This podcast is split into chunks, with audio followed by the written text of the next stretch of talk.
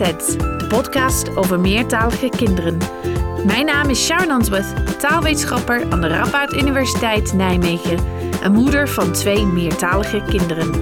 Heb je wel eens van een vliegtuigyoghurt gehoord? Nee? Ik ook niet. Maar dit is waar de meertalige zoon van een vriendin van mij een keer om vroeg.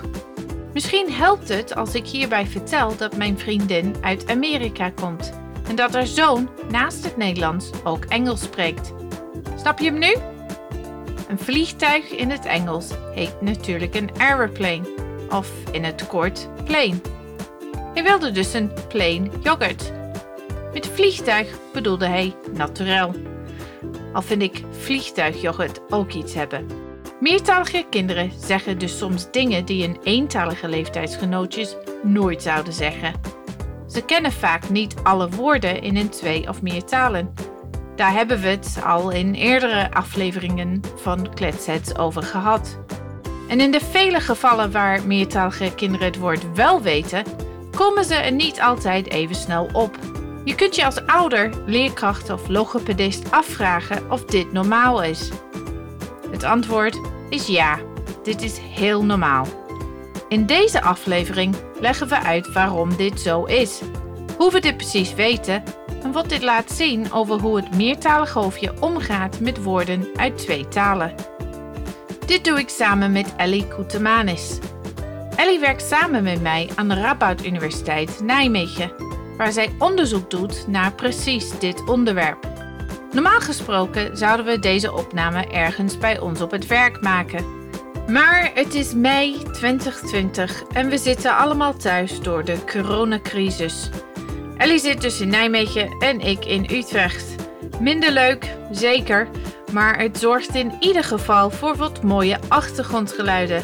Als je heel goed luistert kun je af en toe een merel horen zingen bij mij in de achtertuin.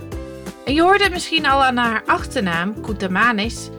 Ellie is van Grieks afkomst hier in Nederland geboren en dus zelf meertalig opgegroeid. Herken je jezelf in die voorbeelden die ik net noemde, Ellie?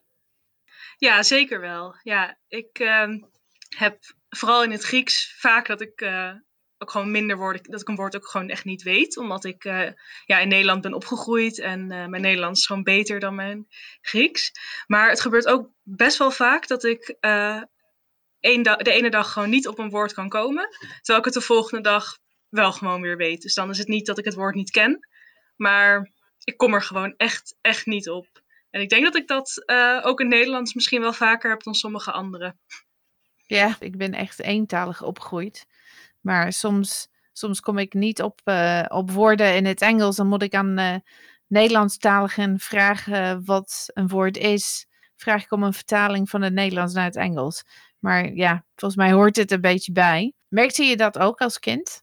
Ja, als kind ook zeker. Uh, en dan vooral dat zullen, denk ik, veel uh, andere mensen ook wel herkennen die ja, bijvoorbeeld op vakantie weer teruggaan naar dat andere land. Dan uh, kon het echt wel weer even duren voordat alles weer op gang komt. Terwijl ik de woorden niet opnieuw aan het leren was of zo in de zomer. Maar, ja. als ik daar dan een week was geweest bijvoorbeeld, dan lukt het allemaal weer veel beter. Maar de eerste dag kon ik me gewoon vaak niet goed uitdrukken, omdat het gewoon zo lang duurde tot ik op de woorden kon komen. Het Grieks moest een beetje ontdooien, zeg maar. Ja, ja terwijl ik het ook thuis wel, thuis wel uh, gewoon gebruikte, maar gewoon niet zoveel. Ja, als we denken over de woorden van de twee talen van een meertalig kind, zoals uh, jij, uh, toen dan, dus de, hoe, hoe de woorden in het hoofd zitten, dan denk ik dat er twee opties zijn. Hè? Dus we hebben twee bakken met in de ene bak de woorden van de ene taal en in de andere bak de woorden van de andere taal. Of een gigantisch bak met alle woorden op een hoop. Welke van die twee opties klopt? Je zou misschien denken dat het het makkelijkste is om gewoon twee aparte bakken te hebben. Eentje hebben alle woorden van de ene taal en de andere alles van de andere taal. Uh, maar waarschijnlijk is het toch allemaal één, één grote bak met alle woorden van de verschillende talen, allemaal bij elkaar. Ik denk dat als uh, luisteraars dat horen, denken ze, ja, echt een, een giga hm. mengelmoes wordt dat dan. Maar dat, dat is niet zo. Uh, je moet bedenken dat, ja, wat betekent het nou dat een woord in je hoofd zit? Je hebt natuurlijk gewoon de woordvorm, hoe het klinkt, hoe, hoe je het woord uitspreekt. Maar je hebt ook nog de betekenis van het woord. Die twee stukjes informatie die vormen eigenlijk samen ja, het, hoofd, het woord dat in je hoofd zit. Dus neem, neem maar dan het woord kat in het Nederlands. Wat is dat in het Grieks? rata. Rata? Rata. Rata, kan ik ook iets leren. Dus je hebt kat en je hebt rata, dus je hebt die twee woorden. Maar, en dan de betekenis is, ja, hetzelfde dan neem ik aan. Gewoon een, een, een dier met vier poten die kan aaien, die in het huis woont.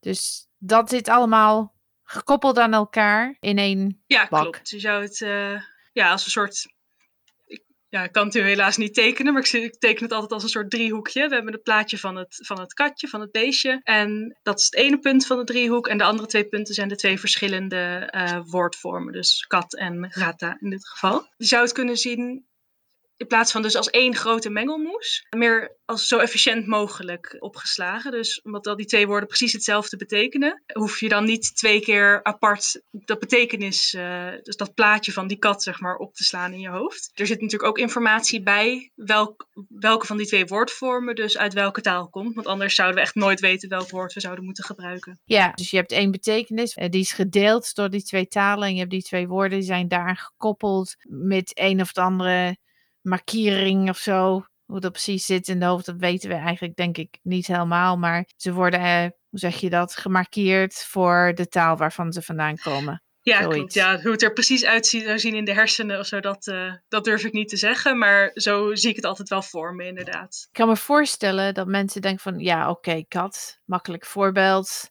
Maar soms heb je wel andere woorden die zijn deels hetzelfde, maar niet helemaal. Gebeurt hetzelfde met dat soort woorden? Nou, dat is een hele goede vraag. Daar zijn uh, verschillende theorieën eigenlijk over. Ja, sommige theorieën zien het als een soort grote 3D-ruimte waarin dat soort woorden dan dicht bij elkaar liggen. Dus die een soort gelijke betekenis hebben, maar misschien niet altijd precies op dezelfde manier gebruikt worden. Uh, je hebt ook theorieën die zeggen dat die betekenis niet, dat je die niet als een soort plaatje moet zien, zoals ik net zei, maar een aantal verschillende aspecten, zoals het is een dier, het miauwt. En dat een aantal van die aspecten dan gedeeld zijn en een aantal niet.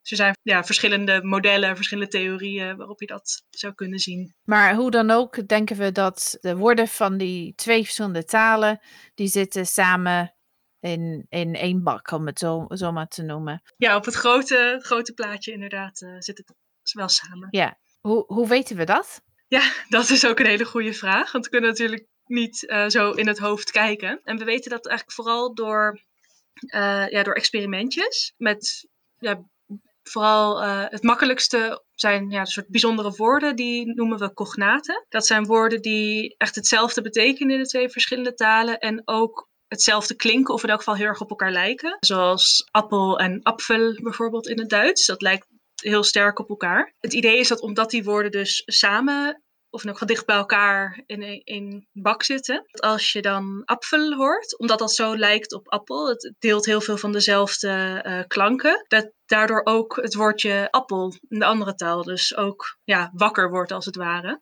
En omdat oh beide, zowel appel als apfel, uh, ja, verbonden zijn aan hetzelfde plaatje, moet zo zeggen, aan dezelfde betekenis. Kun je dan extra snel ja, dat woord herkennen of juist uh, dat woord zeggen of zijn dat ook makkelijkere woorden om te leren. Dus dat is eigenlijk wel, als het ware, bijna het tegenovergestelde van, van de meer problematische kant van dit verhaal, waar, waar we het in het begin over hadden. Dus als je een woord hebt in je andere taal die lijkt op, uh, ja, ik denk, ik, ga terug aan kat, maar kat in het Nederlands een cat in het Engels. Nou, die lijken behoorlijk op elkaar. Ze betekenen hetzelfde. Dus ik dan als iemand die ook Engels kan, zal misschien wat sneller gaan herkennen of zo. Maar we hebben het dan over echt inimini verschillen, neem ik aan, hè? Milliseconden. Ja, dat is uh, niet per se iets wat je zomaar met het blote oog kan zien of horen. Nee. gebeurt dit bij alle woorden? Dus ik kan me voorstellen dat het vaker gebeurt met sommige woorden dan andere. Dus bijvoorbeeld ja, woorden die meer op elkaar lijken dan anderen. Dus kat en cat, die lijken heel erg op elkaar. Andere woorden dan niet. Ik kom niet zo gauw op een uh, voorbeeld van twee woorden die een beetje op elkaar lijken, maar niet helemaal. Ja, ja misschien uh, tafel en table bijvoorbeeld ligt al ietsje verder uit elkaar.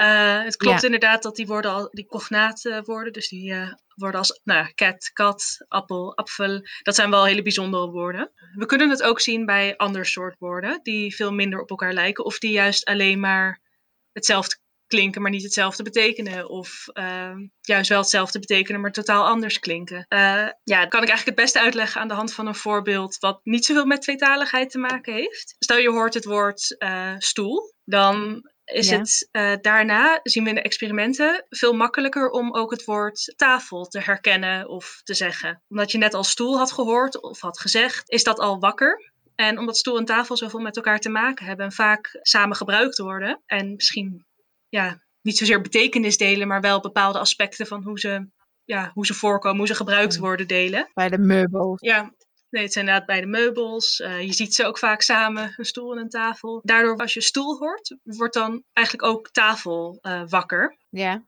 En dat kan ook juist met woorden die alleen op elkaar lijken qua vorm, zoals uh, stoel en stoep bijvoorbeeld. Omdat die juist die, die klanken een beetje delen. En dat soort relaties kunnen we ook tussen woorden uit twee verschillende talen onderzoeken. Dus woorden die een betekenis delen.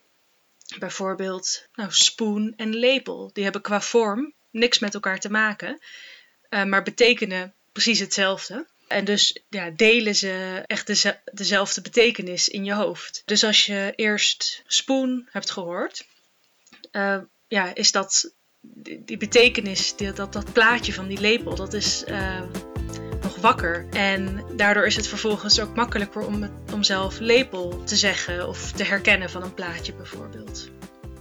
Het is wel zo dat ja, hoe meer woorden op elkaar lijken, hoe, hoe sterker dat vaak is. Dus zowel qua uh, vorm als qua betekenis. Maar dit is eigenlijk iets dat voornamelijk uh, veel is onderzocht met volwassenen die twee talen spreken. En nog niet zo heel veel met kinderen. Let's klets! In deze rubriek horen we van een ouder of professional over hun ervaringen met meertalige kinderen. Mijn naam is uh, Paula Pira. Ik woon uh, in Almere en ik ben uh, begeleider meertaligheid bij Almeertaal. Wat houdt dat in? Begeleiden meertaligheid? we begeleiden leerlingen die geen Nederlands spreken. Vanuit een taalschool zijn doorgestroomd naar een normale basisschool ja. of voortgezet onderwijsschool. En die leerlingen helpen dan met de Nederlandse taal. Ze hebben thuis natuurlijk spreken ze een andere taal, ja. hun thuistaal. Uh, horen thuis geen Nederlands. Dus het zijn uh, bijvoorbeeld kinderen die naar Nederland komen als vluchtelingen of zoiets. Die, ja. ja, ja, dat zijn, kunnen vluchtelingen zijn uit Syrië, Eritrea, noem maar op. Maar ook mensen die vanwege hun beroep naar Nederland toe komen. Mensen uit Duitsland, Amerika, kan van alles nog wat zijn. Elke leerling die geen Nederlands spreekt, en op een basisschool zit, die begeleiden wij in hun Nederlandse taal. En wat houdt dat in dan, dat begeleiden? Het begint eigenlijk eerst heel eenvoudig. Vooral met de dagelijkse taal ga je eerst aanleren, de, normale woordjes. Ze hebben al een jaar op een normale taalschool gezeten om daar hulp bij te krijgen. En daarna wordt hun dagelijkse taal moet nog steeds meer uitgebreid worden. Ik was voorheen een normale leerkracht. Daarna heb ik tien jaar uh, NT2-onderwijs voor Nederlands gegeven. Nederlands als tweede taalleerkracht was ik. En dan word je pas bewust van hoe ingewikkeld de Nederlandse taal is. Wat in het Nederlands heel lastig is, zijn ook weer de voorzetsels. Want als je een werkwoord hebt, bijvoorbeeld uh, opmaken, als je daar geen context bij hebt, weet je niet direct wat bedoel is met opmaken. Ga je iets maken? Ja. Ga je jezelf opmaken? Ga je je bed opmaken? Uh, maar je kan je ook jezelf vermaken. Ja. Dus door een klein woordje, door een voorzetsel voor een werkwoord te zetten, krijgt het zoveel verschillende betekenissen. Ja, en ga je dan vooral met leerkrachten om of met leerlingen? Vooral heel veel met leerlingen ga je om. Maar daarnaast uh, wil je ook de leerkracht een stukje meegeven van waar ze bewust van moeten zijn als ze zelf Nederlands spreken. Wees bewust van de betekenis van woorden, van wat je nu zegt. Ligt daar nog een andere betekenis achter? Wat, bedoel, wat is de boodschap die je wilt geven aan de leerling? En uh, denk je dat hij het begrijpt? Check dit dan ook bij leerlingen. Is dat dan die gouden tip als het gaat om iets dat je mee zou willen geven aan leerkrachten? Ja, ik denk dat het voor leerkrachten heel goed is dat ze vooral bewust zijn van hun eigen taal. De taal die zij spreken.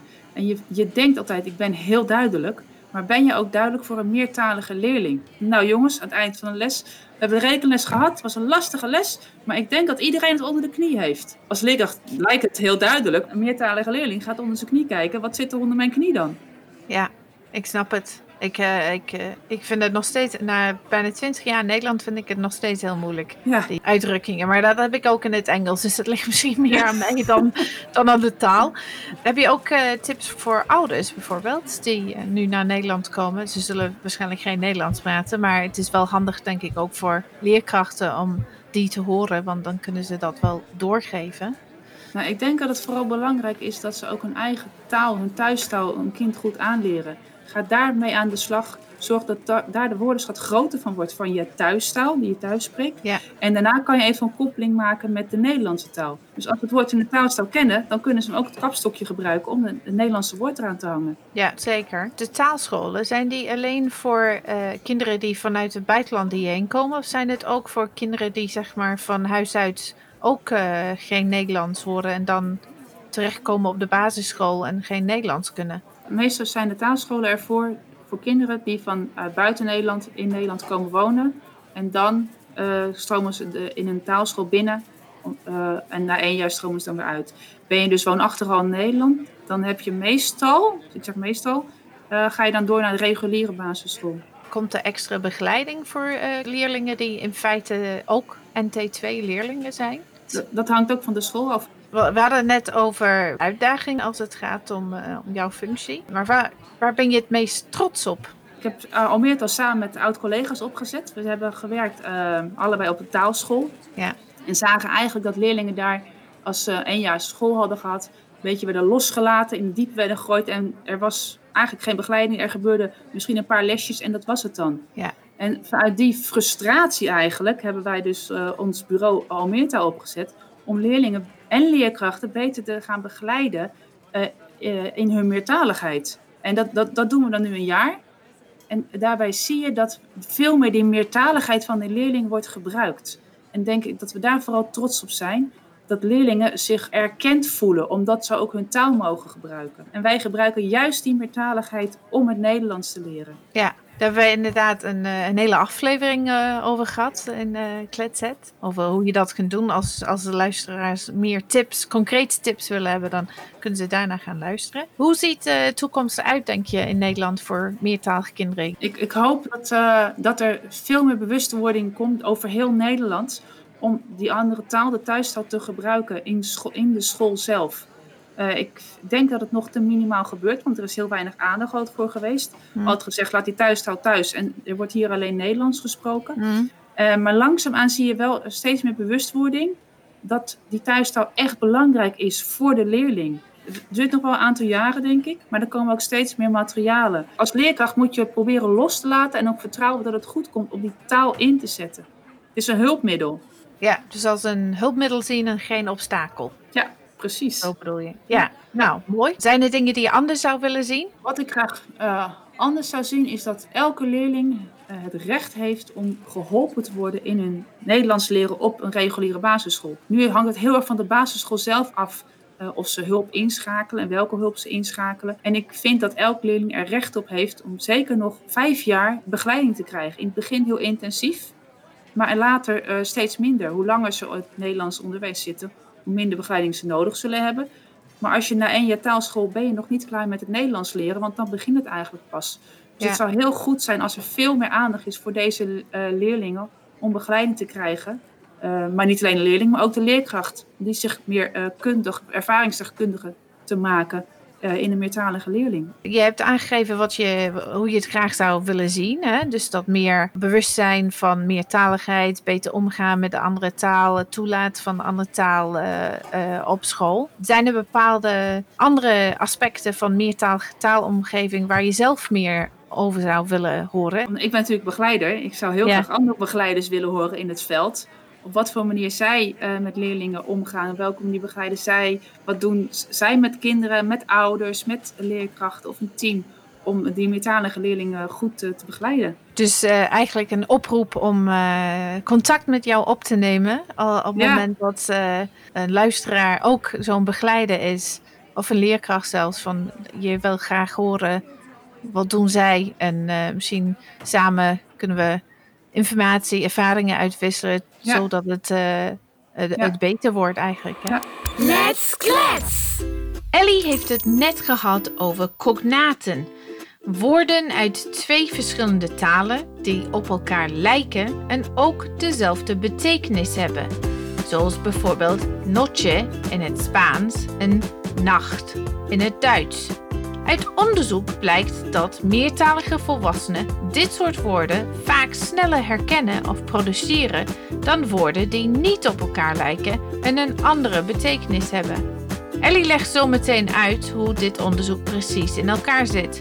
Maar eerst vroeg ik aan haar of we ook bewijs hebben dat dit hetzelfde werkt bij meertalige kinderen. Eh, ja, er zijn wel een aantal experimenten mee gedaan. Dus zowel met die cognaten als met eh, de minder sterk gelijkende woorden die ik net eh, noemde. Alleen nog niet zo heel erg veel. En vooral ook bij hele jonge kinderen. Of bij kinderen die juist op wat latere leeftijd een tweede taal hebben geleerd. Dus er is nog niet heel erg veel onderzoek gedaan naar eh, kinderen die echt opgroeien met beide talen. Maar wat er is, lijkt er wel, eh, wijst er wel allemaal op dat dat soortzelfde effecten ook bij kinderen voorkomen. Kun je even uitleggen hoe, hoe, hoe zo'n experiment in elkaar zit? Want ik denk dat de, de meeste luisteraars die zullen dat natuurlijk niet weten. Er zijn eh, verschillende soorten experimenten die je daarmee kunt doen. Het makkelijkste om uit te leggen is het benoemen van plaatjes. Dus je krijgt verschillende plaatjes te zien.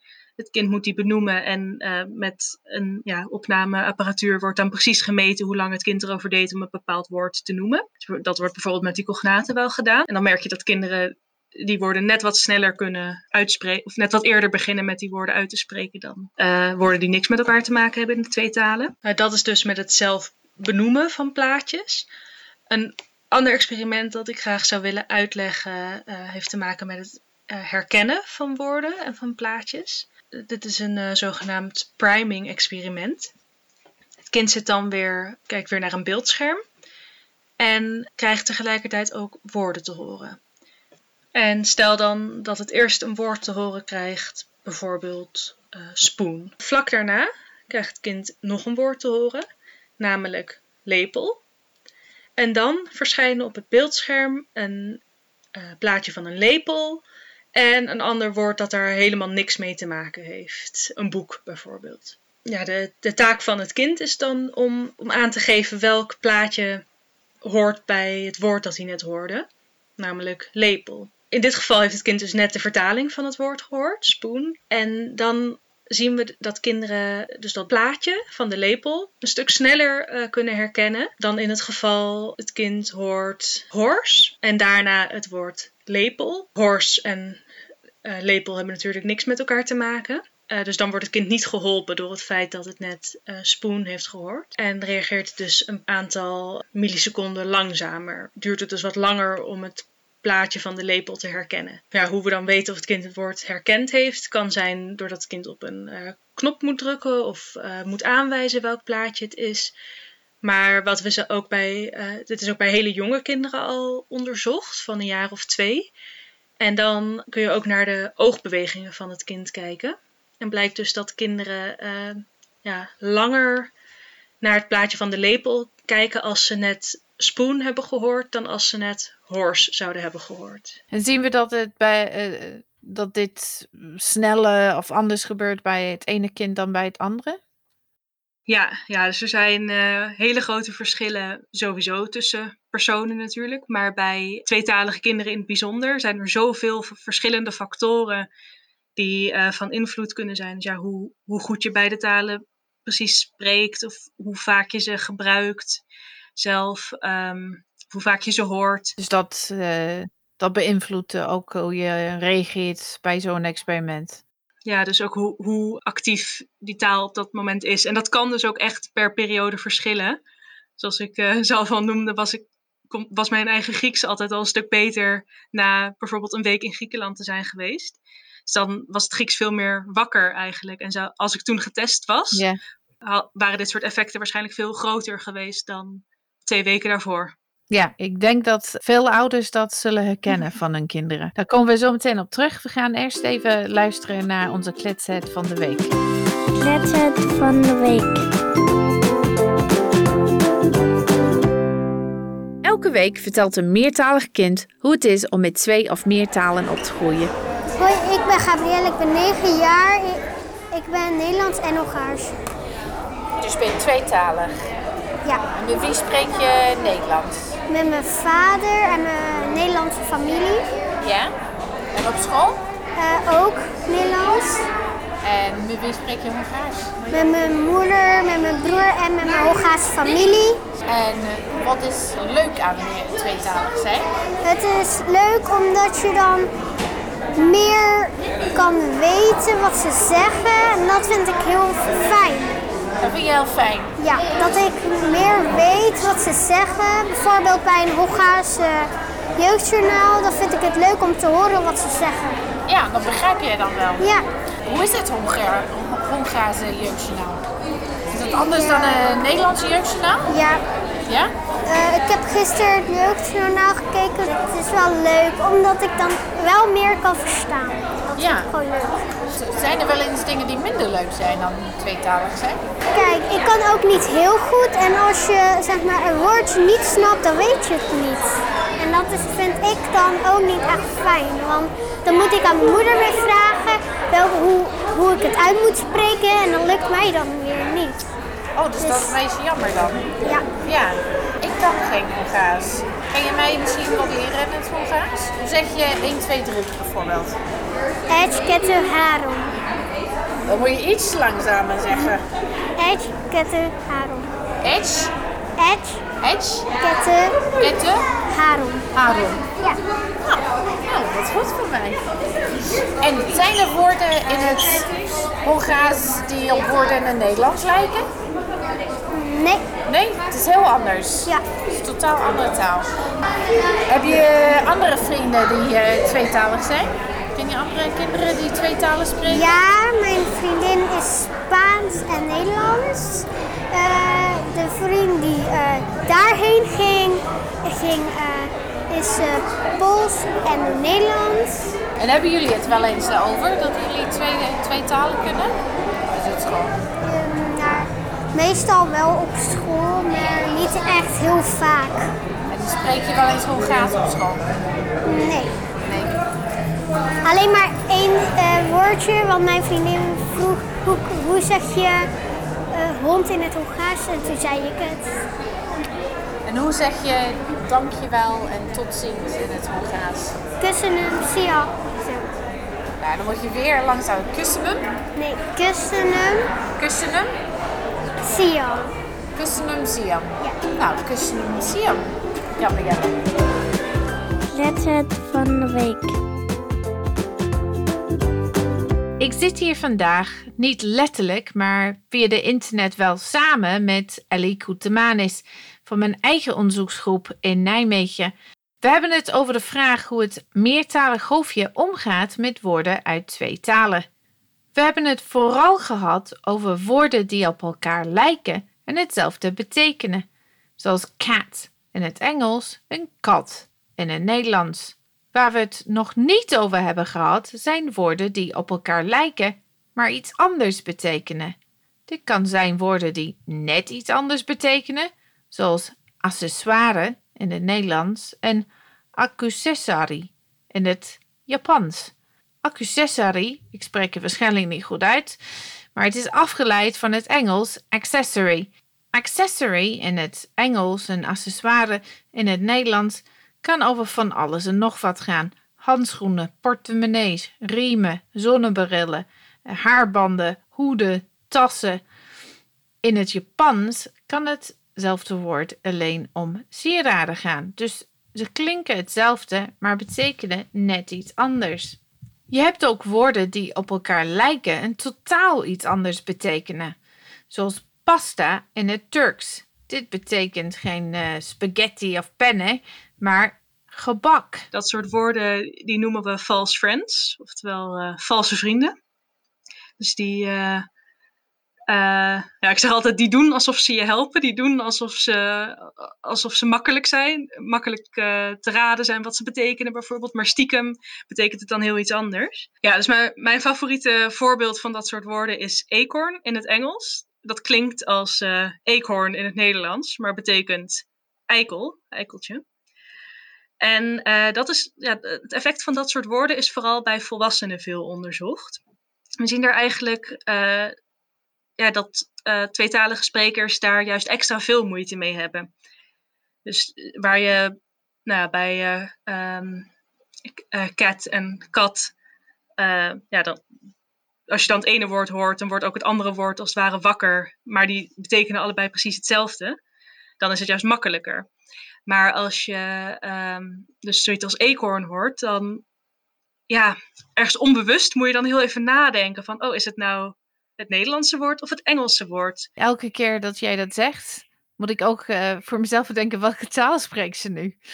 Je zei, we hebben het gehad over, ja, je gaat sneller of je gaat langzamer, afhankelijk van uh, of de woorden wel of niet uh, dezelfde betekenis hebben, lijken ze op elkaar. Heeft dit echt gevolgen voor meertalige kinderen in het echt leven? Buiten de experimenten die onderzoeken zoals wij uh, met ze gaan doen? Er is ook wel wat onderzoek gedaan met zowel kinderen als volwassenen, waarin wel gevonden werd dat, dat de tweetaligen ook wel ja, ook wat langzamer reageerden op alle uh, woorden. Dus niet, niet, niet alleen dit soort speciale woorden waar we het nu over gehad hebben. Maar dat is ja. vaak dus niet zoveel dat je, het echt, dat je er echt last van hebt of zo in het dagelijks leven. Je hebt dus niet per se last van de woorden uit je andere taal als meertalig kind of volwassene.